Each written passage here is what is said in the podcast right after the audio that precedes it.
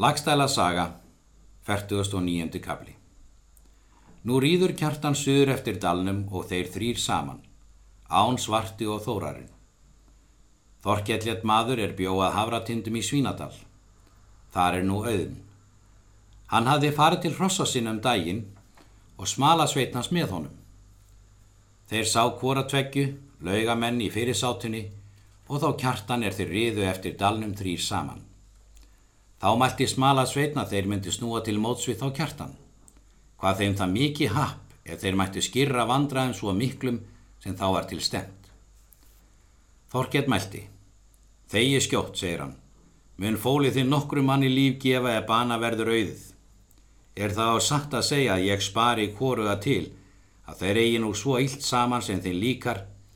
Sýnist mér það betra ráð að við komin okkur þar að okkur sé við yngu hætt en við megum sem gjör sjáfundin og hafa gaman af leik þeirra. Því að það ágæta allir að kjartan sé vígur hverju manni betur. Væntir mig og að hann þurfi nú þess, því að okkur er það kunnutt að ærin er liðsmunur. Og var svo að vera sem Þorkett vildi. Þeir kjartan ríða fram að Havragíli, en í annan stað gruna þeir ósýur sínir, hví bodlimun sér hafa, þar svo staðar leitað, er hann mátti. Vel sjá þá er mennriðu vestan. Þeir gera nú rásitt og þótti sem bolli myndi þeim eigi vera trúr, ganga að honum, upp í brekkuna og brugða á glímu og á glens og tók í fætur honum og dróði hann ofan fyrir brekkuna. En þá kjartan bar brátt að, er þeir riðu hart og er þeir komið suður yfir gílið, þá sá þeir fyrir sátina og kendu mennina. Kjartan spratt þegar að baki og snýri í móti þeim ósýfur sonum. Þar stóð steitneitt mikill. Þar bar kjartan þá við taka. En áður en þeir mættu skauð kjartan spjótinu og kom í skjöld Þóróls fyrir ofan mundriðan og bara að honum skjöldin við. Spjótið gekk í gegnum skjöldin og handleikin fyrir ofan olnboga og tók þar í sundur afl vöðvan. Létt Þórólur þá lausan skjöldin og var honum ónýtt höndin um daginn. Síðan brá kjartan sverðinu og hafði eigi konungsnöyt. Þór höllu síni runnu á þórarinn því að þeim var það hlutverk ætlað. Var sá atgangur harður því að þórarinn var rammur að afli, þeir voru á vel knáir, mátti þar á varla í milli sjá hvori þar myndi drjúari verða. Þá sóttu þeir ósvífur sínur að kjartanu og guðlugur, voru þeir sex, en þeir kjartanu án tveir. Án varðist vel og vildi æganga fram fyrir kjartan. Botlistu hjá með fótbít. Kjartan hjó stórt en sverði dugðu ílla. Brá hann því jafnan undir fót sér. Urðu þá hvori tveggju sárir, ósýður sinir og gán. En kjartan var þá enn ekki sár. Kjartan barði svo snart og hraustlega að þeir ósýður sinir hópuð undan og snýru þá þar að sem án var. Þá fjall án og hafði hann þó barist um hríð svo að útil á eðrin. Í þessi svipan hjá kjartan fót af guðlegi fyrir ofan nýje og var honu sá áverki ærin til bana. Þá sækja þeir ósýður sinni fjórir kjartan og varðist hann svo hraustlega að hvergi fór hann á hæl fyrir þeim. Þá mælti kjartan. Bodli frændi, hví fórstu heiman eða þú vildir kyrstanda hjá? Og er þér nú það vænst að veita öðrum kvorum og reyna nú hversu fótbítur dugi? Bodli létt sem hann heyrðegi og er óspakur sá að þeir myndi eigi bera af kjartani þá ekkir hann botla á alla vega. Hvað hann eigi myndi vilja vita þá skömm eftir sér að hafa heiti þeim viksgengi og veita nú ekki. Og var kjartan ást á þungur í skiptum er við höfðum eigi jafnstórt til gjört og ef kjartan skal nú undan rekast. Þá mun þér botli, svo sem oss, skamt til afar kosta. Þá brá botli fótbít og snýr nú að kjartani. Þá mælti kjartan til botla. Víst ætlar þú nú frændi nýðingsverk að gera. En miklu þykji mér betra að þykja bana orða þér frændi en veita þér það. Síðan kastaði kjartan vopnum og vildi þá eigi verja sig, en þó var hann líkt sár en ákaflega vígmóður. Engi veitti Bodli svörmáli kjartans, en þó veitti hann honum bana sár. Bodli settist þegar undir herðar honum og andaðist kjartan í njám Bodla. Yður aðeins bolli þegar verksins og lísti víi á hendur sér.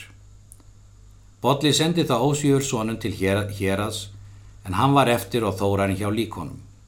Og er þeir ósvífur sinir komið til lauga, svo sögðu þeir tíðindin. Guðrún let vel yfir og var þá bundið um höndina Þóruls, gríari hún seint og var þónum aldrei í meinlaus. Lík kjartans var fært heim í tungu. Síðan reið Bolli heim til lauga. Guðrún gekk í mótu honum og spurði hversu framorði væri. Bolli hvað þá vera nær nóni dags þess? Þá mælti Guðrún. Mísjöp verða morgunverkin. Ég hef spunnið tólváluna gard en þú hefur vegið kjartan.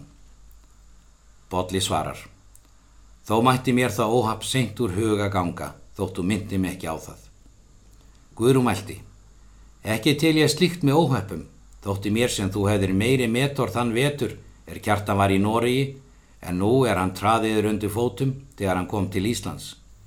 En ég tel það þó síðast er mér þykir mest verðt að hrefnamun eigi ganga hlæjanda sængin í kvöld.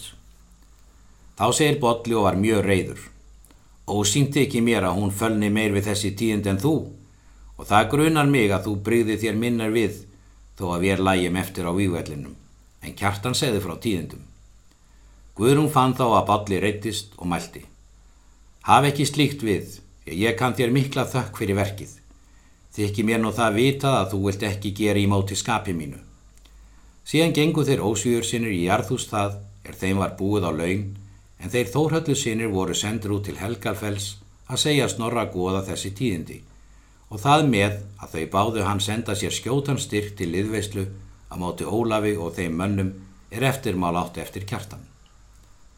Það var til tíðinda í Sælingsdalstungu þá nótt er víið hafði orðum dægin að án settist upp er allir hugða að dauður væri. Urðu þeir hrættir er vögt yfir líkunum og þótti þetta undur mikill. Þá mælti án til þeirra. Ég byði þér í Guðsnafni að þér hræðist mig eigi, því að ég hef lifað og haft vit mitt til allt til þeirra stundar að ranna á mig ómeins höfgi. Þá dreymdi mig hins sama koma og fyrr og þótti mér hún nú taka hrísið úr maganum en let koma inniblin í staðin og varð mér gott við það skipti. Síðan voru bundin sár þau er án hafði og varðan heill og var síðan kallar án hrísmægi. En er Ólafur Höskuldsson spurði þessi tíundi þá þóttu honum mikið aðum við kjartans en þó bar hann drengilega. Þeir sínir hans vildu þegar fara að botla og drepa hann. Ólafur segir Það skal fjarrri fara Er mér ekki sonur minn að bættari þó að bolli sér drepinn og unni ég kjartanu um alla menn fram en eigi mátti ég vita megin bolla. En sé ég yður maklir í síslu. Farið þér til móts við Þórhöllu sonu er þeir eru sendir til Helgalfells að stefna liða að oss. Vel líkar mér þótt ég skapi þeim slikt víti sem eður líkar. Síðan snarast þeir til ferðar Ólafsínir og genga á ferju er Ólafur átti voru þeir sjö saman, róa út eftir kvamsverði og sækja knálega ferðina. Þeir hafa veður lítið og hagstætt. Þeir róa undir seglinu, þar til er þeir koma undir skorei og eiga þar döl nokkura og spyrjast þar fyrir um ferðir manna. Og liklu síðar sjá þeir skip róa vestanum fjörðin. Kendu þeir brátt mennina, voru þar þórhöllu sínir.